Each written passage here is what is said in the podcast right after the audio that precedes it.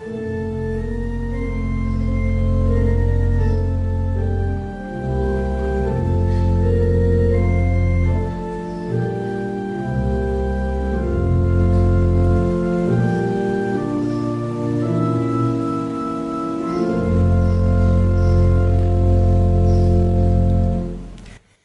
en susters, ek wil julle graag welkom heet hier in die hart van die NG Gemeente Littleton Oos. Geliefdes, welkom hier in die teenwoordigheid van die Here wat lief is vir sy gemeente.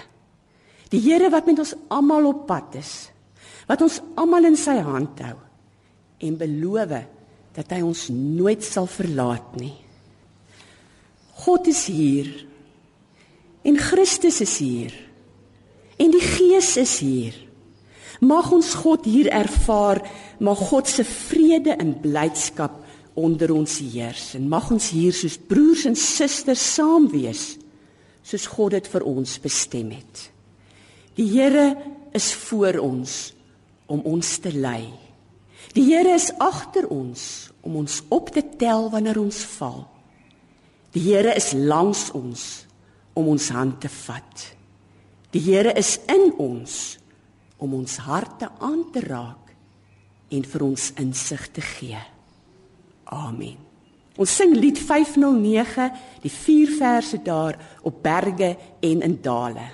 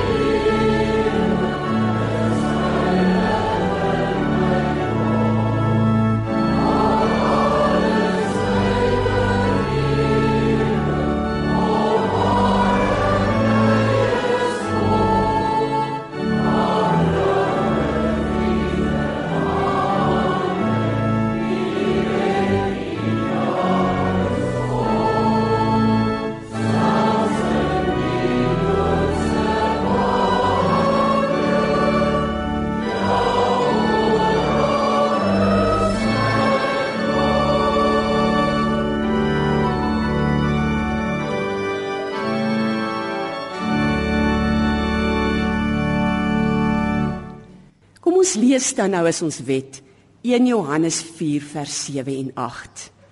Geliefdes, ons moet mekaar lief hê. Want liefde kom van God. En elkeen wat liefhet, is 'n kind van God en ken God. Wie nie liefhet nie, het geen kennis van God nie, want God is liefde. Kom ons sing dan nou lied 334 die vier verse daar. God is liefde.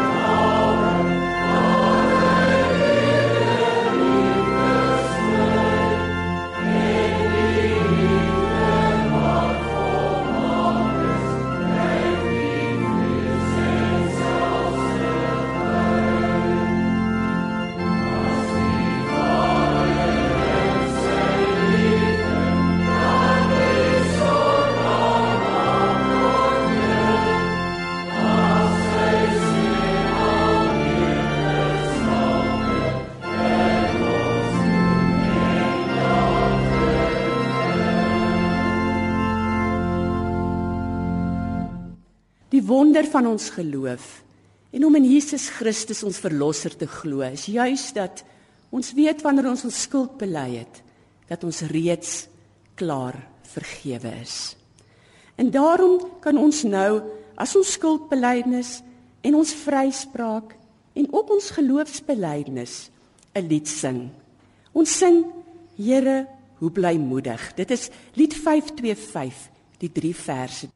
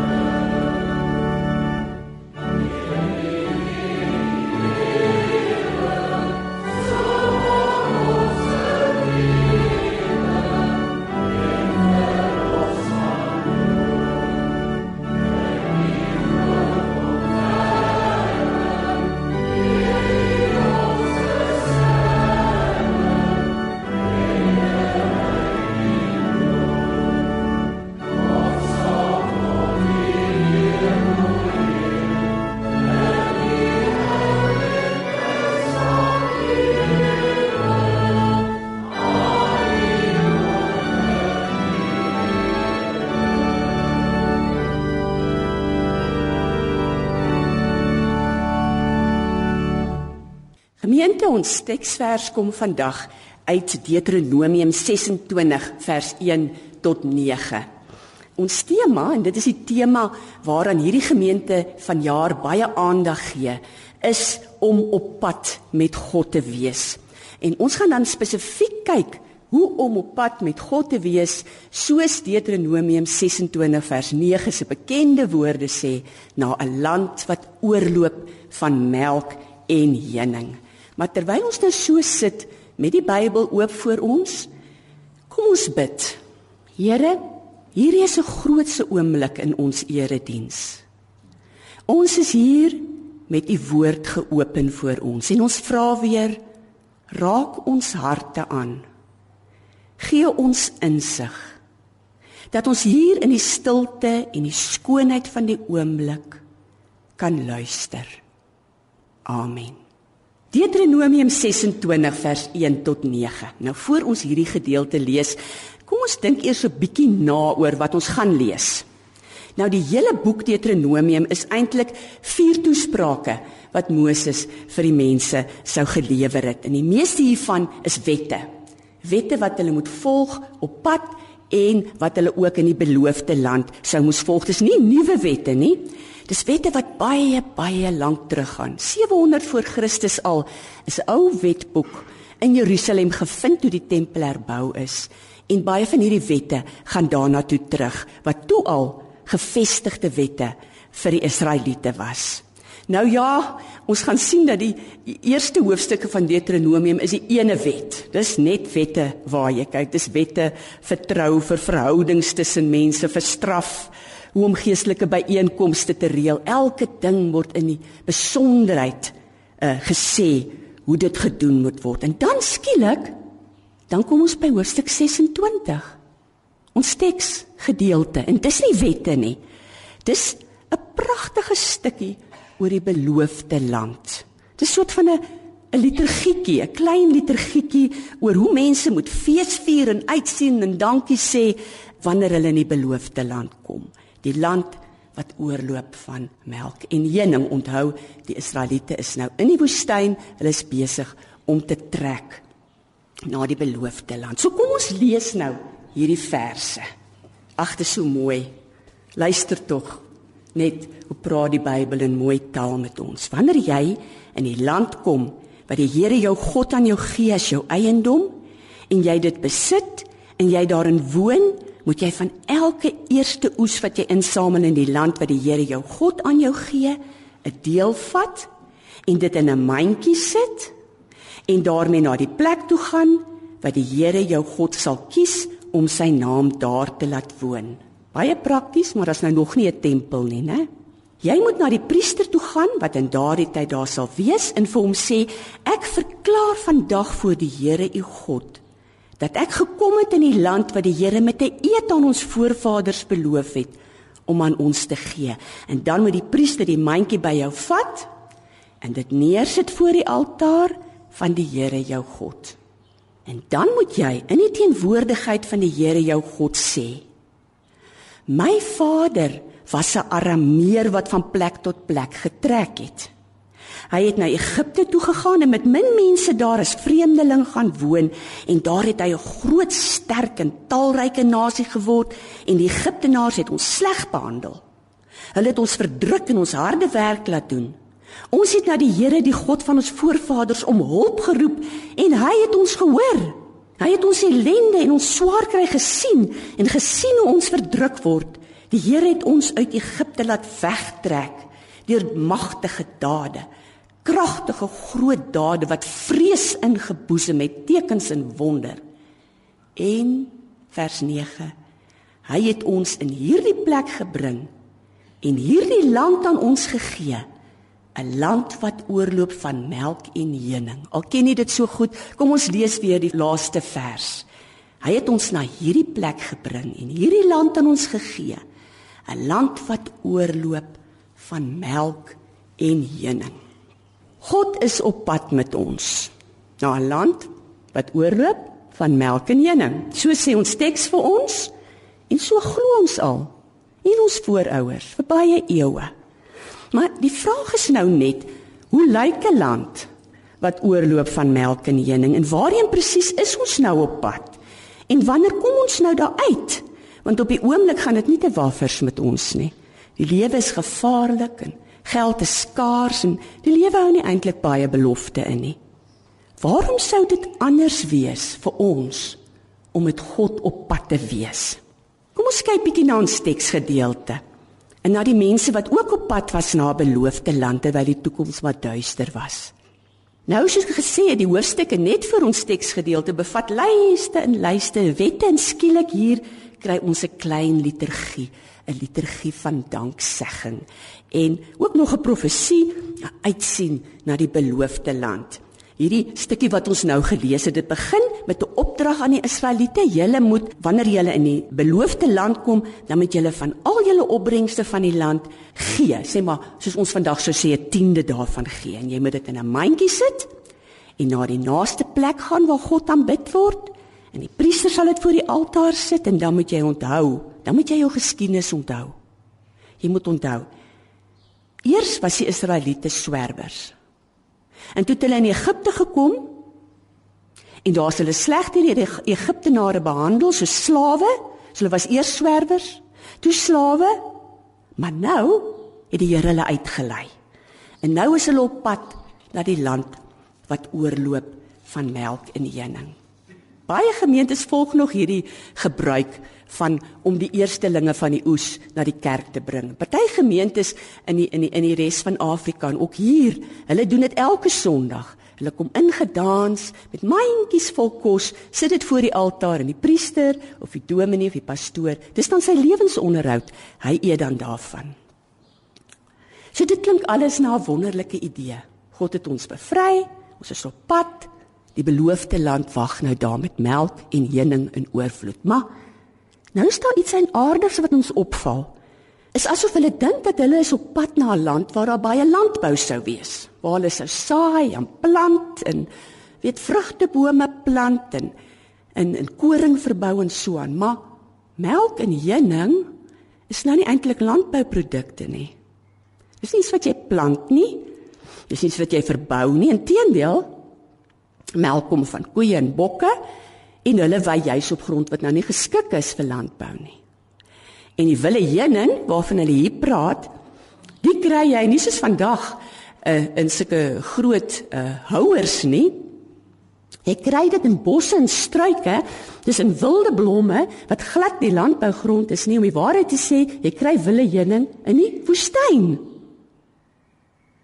Nou, in die eerste 5 boeke van die van die Bybel word daar baie na die beloofde land verwys, 15 keer meer as 'n land wat oorloop van melk en honing. Maar dan later dan praat die Bybel glad nie meer daaroor nie. Hulle noem glad nie meer die beloofde land 'n land van melk en honing nie. Jeremia wys nog geslagte op, maar dit is eintlik baie negatief. Hy sê julle wil oorvloed van melk en honing, maar kyk wat se gemors het julle hier aangejaag in die beloofde land. Nuwe Testament ken dit glad nie, dit kom glad nie daarvoor nie. En dit laat mense nou wonder, was die beloofde land heeltemal wat die Israeliete gedroom het dit sou wees? Het hulle gedroom van 'n vrugbare land waar jy kon plant en bou, verbou en toe kry hulle 'n land wat maar grootendeels nie geskik is vir landbou nie en eintlik baie groot dele daarvan 'n semi-woestyn was. Egipte was 'n landbouland. Deel daarvan is ook woestyn, maar die dele wat hulle kon, het hulle verbou.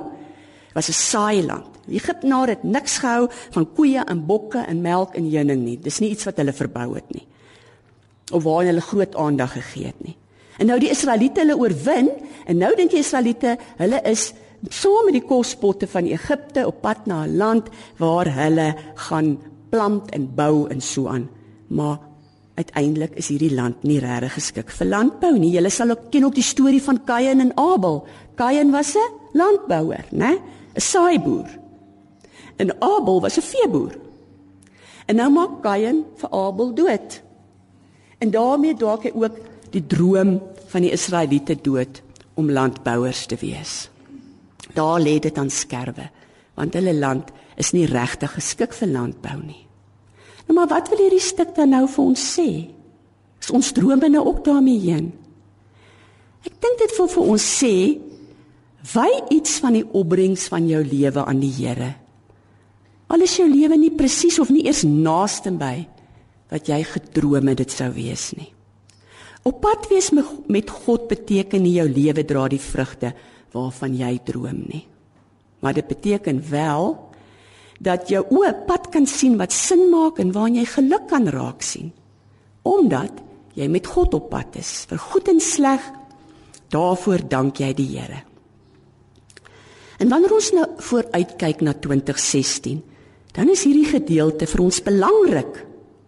Want dit praat juis oor lewe in verwagting, in teleurstelling en agentskap en pyn en dankbaarheid vir alles ten spyte van dit alles. En dankbaarheid beteken dan dat jy jou oë kan spits vir geluk en vir die goeie. En ek wil nou vier temas voorstel wat hierdie teksvers of hierdie teksgedeelte ons verlei om na te kyk. Die eerste tema sal iets wees soos blom waar jy geplant is. Dis 'n bekende uitdrukking hierdie en ons teksgedeelte onderstreep dit dat om te blom waar jy geplant is, is 'n godsdienstige aktiwiteit, né? Nee, dis 'n geloofsaktiwiteit, maar omdat ons nou sê in 2016 gaan ons op reis wees, kom ons sê liewers iets soos maak die beste van die reis self. Iemand het eendag gesê as jy nie weet waar jy jy op pad is nie, kan jy enige pad soontoe vat. Maar ons weet waar jy ons op pad is en dit is om sinvol en gelukkig te reis want God is saam met ons. Ons het almal sekere vaardighede.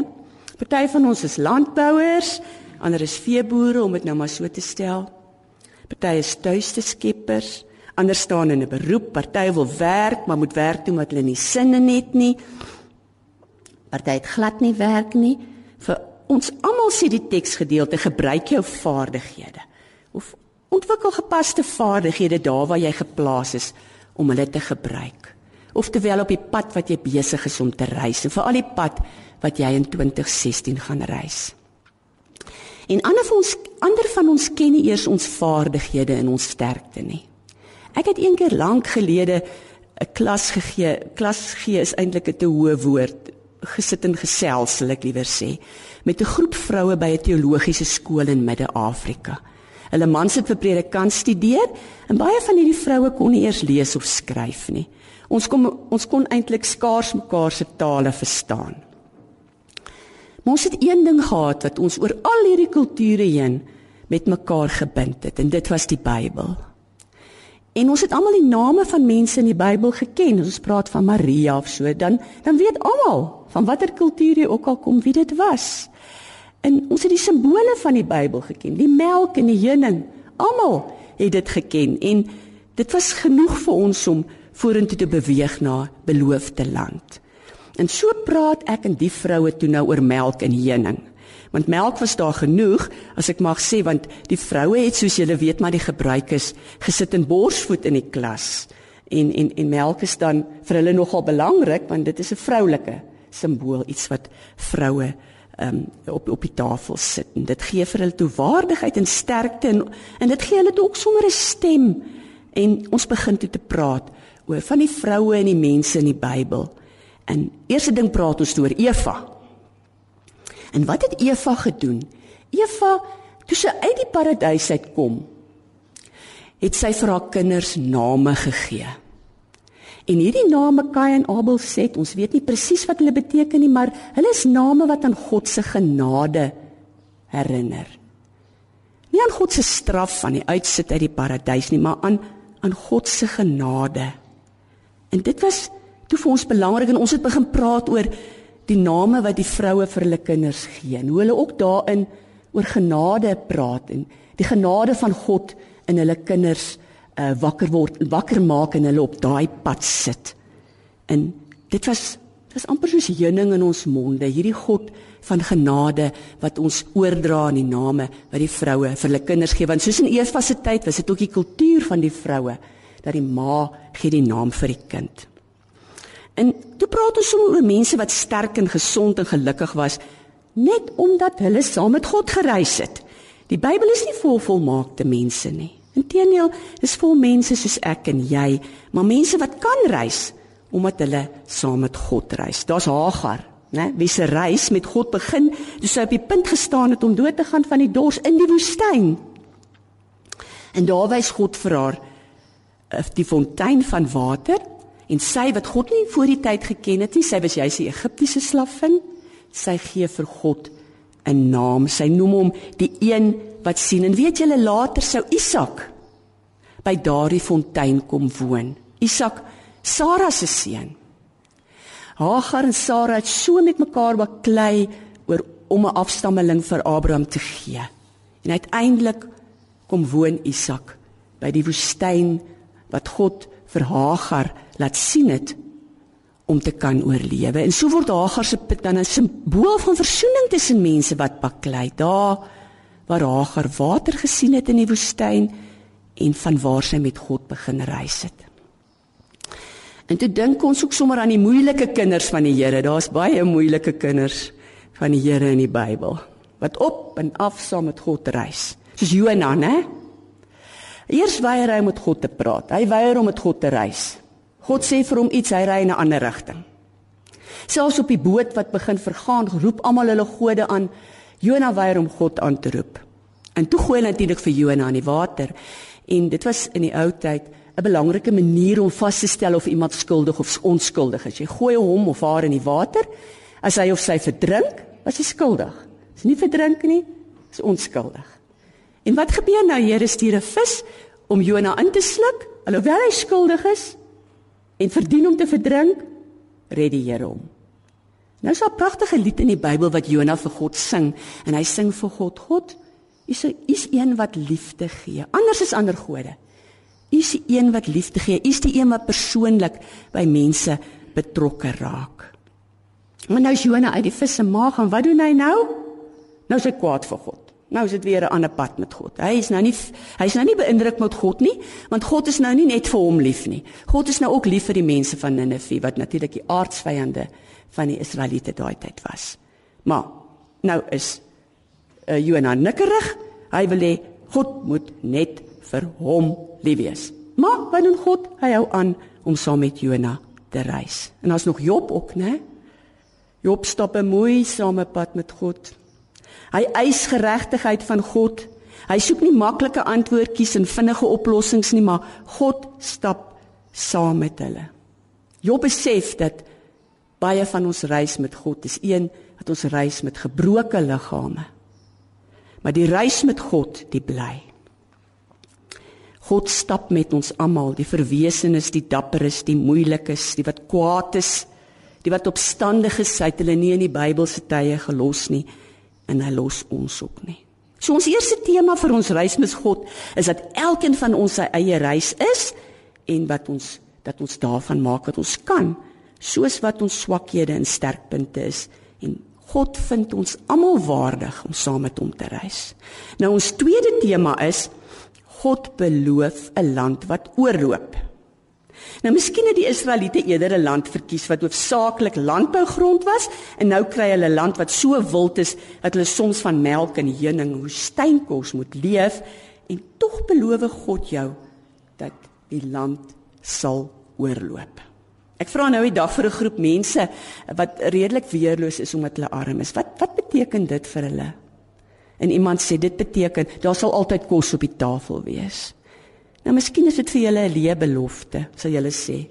Maar ek sou sê God se belofte dat daar altyd kos op die tafel sal wees, is 'n belofte waaraan ons kan meedoen. En daarom is ons derde tema kos kom nie van self op die tafel nie. God gee die land en God gee die kansse, maar ons moet ons hande uitsteek. Melk land nie van self op die tafel nie, jy moet die diere versorg. Jy moet hulle melk, jy moet die heuning soek en uithaal in die baie skwaai. Nou hierdie hele ding van melk en heuning, dit klink vir my na 'n soort samewerking tussen God en mens en aarde en 'n dankbare vrede maak met die dinge om jou, met wat jy gekry het om te doen en van te lewe. Maar dis nie 'n vrede maak wat jou tot niks doen lei nie. Dis 'n vrede maak juis met die dinge wat jy het, juis om daarmee te doen wat jy kan. En dan is daar nog 'n tema hier wat ons nie kan miskyk nie, juis omdat dit vir ons hoop gee in pynlike tye. En hierdie tema is onthou jou lewe met dankbaarheid. Onthou jou lewe as 'n dankbare lewe. Daar in die liturgie van Deuteronomium 26, onthou die spreker sy lewe as die van 'n swerwer en 'n slaaf en een wat in die beloofde land dikwels net van woestynkos moet lewe. Maar wanneer hy God in die prentjie bring dan dan onthou die spreker sy lewe anders Dit was 'n lewe van bevryding van slawerny. Daar was slawerny, maar dis ook 'n lewe van bevryding. En hy onthou sy lewe is een wat onder die skouspel van God se wonderwerke in in so aan gelewe is. En so onthou hy sy lewe as 'n suksesvolle lewe. Ten spyte van sy pyn en lyding. En daarvoor gee hy dankbaarheid. Nou die jaar 2016 lê voor ons en soos Eva sal ons moet besef ons is nie meer in die paradys nie. Daar gaan moeilike tye wees. Hoe gaan ons dit oorlewe? En gaan ons enigstens daarbey baat vind om saam met God te reis? Ek het 'n paar mense gevra hoe hulle deur swaar tye kom. Want ons weet swaar tye gaan kom. En ek wil nou terwyl ek afsluit kort na vier van hulle antwoorde verwys wat ek nogal dink Bybels is. Eerstens het ek 'n man gevra wat nog in die middel van 'n baie swaar tyd is. Hoe oorlewe jy? Hy is deur hofsaake, hy het swaar geboet vir dinge wat hy verkeerd gedoen het. Ek vra hom, hoe oorlewe jy? En weet jy wat sê hy? Dis 'n persoon met standaard 8. Graad 10 vir die jonges onder ons. Hy sê ek oorlewe want vir my is God nie tegnies nie. Nou goed, wat beteken dit? Hy bedoel 'n hof is in 'n hof is dinge reg en verkeerd. As iets verkeerd gedoen word, jy gestraf. Maar vir hom is God nie so nie. God is nie tegnies nie. God is nie reg tegnies nie. Al weet God wat is reg en jy sonderstel om te weet wat is reg, dan buig God nog na jou toe. God vergewe. Hy stuur jou nie tronk toe en om van jou ontslae te raak nie. En ek het gedink dis nogal 'n belangrike ding wat die man daar sê, want hoe ons God sien gaan bepaal watter pad ons saam met God sal kan loop in die jaar wat voorlê. As ons God sien as tegnies, is meer dit doenloos tegnies, die een wat straf, wat uitwis, gaan ons pad met God maar moeilik wees. Maar as ons God kan ken en herken as die God van genade, die God wat Eva aan ons voorgestel het, dan kan ons reken daarop dat God ons sal optel wanneer ons val of struikel. En ek vra ek 'n tweede persoon hoe sy pyn hanteer. Sy sê Weet jy, ek is nie 'n belangrike mens nie, maar vir God is ek waardig. En ek het die reg om verby my pyn te groei. Inderdaad. Die wêreld herinner ons gereeld aan ons foute. Hulle buit ons val en ons struikel uit. Hulle stol en versteen ons in ons swak punte. Maar ons het die reg om ons foute en ons swakhede in die oë te kyk en daarbey verby te groei. Ons is nie ons foute nie. Ons is nie ons pyn nie. Net soos Job gemaak het. Hy bly menswaardig ten spyte van sy verliese en sy lyding. En hy bly saam met God loop alhoewel God vir moeilike antwoorde gee. En ek vra toe derens vir 'n jong meisie hoe sy haar verliese hanteer en oor haar stikkende drome kom. En dit lyk mos hoeka vir my, dis nie maklik om vandag 'n jong mens te wees nie. En toe sê sy, "Get over it." Dis hoe sy haar verliese hanteer. Kom maar oor. Niemand staan reg om jou te help om oor 'n ontroue kerel of nog gewerk wat jy nie gekry het nie te kom nie. Jy moet self oorkom. Partykeer voel jy selfs God werk nie saam nie, maar soos Jona moet jy hierdie les leer. Die wêreld draai nie om jou nie.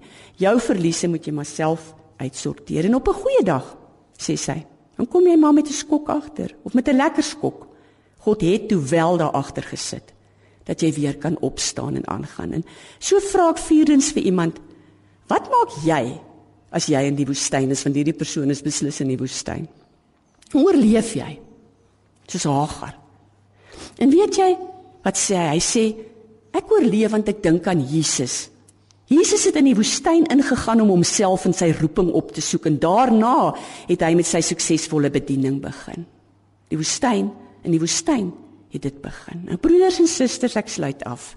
In 2016 sal ons met vrug kan besef dat mislukkings en spanning en konflik is maar 'n klein deeltjie van ons lewens want ons is op pad met God wat sin en betekenis aan ons lewens gee.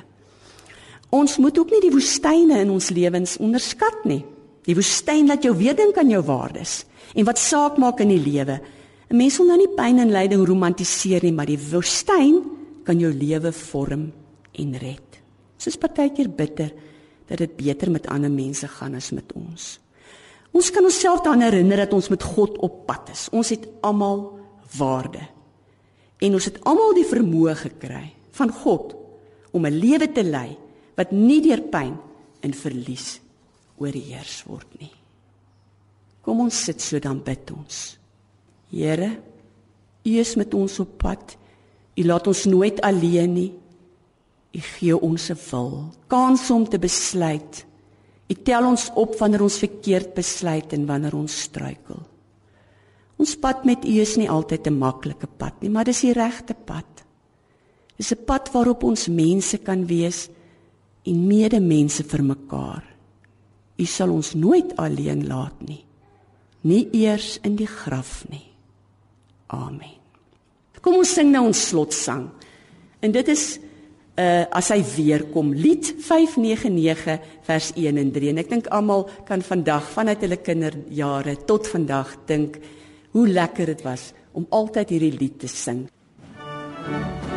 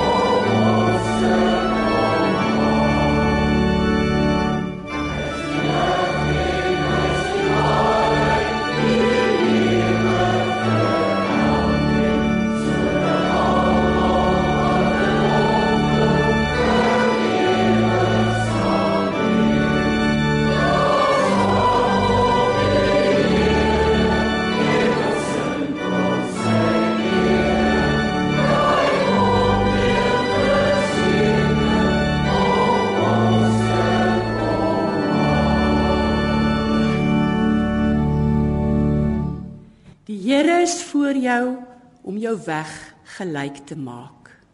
Die Here is langs jou om jou in sy arms toe te vou. Die Here is agter jou om die aanvalle van die bose af te slaan. Die Here is onder jou om jou te dra wanneer jy dalk val. Die Here is bokant jou om jou te seën. Die Here is binne in jou om jou te inspireer en te lei van nou af tot in ewigheid. Amen.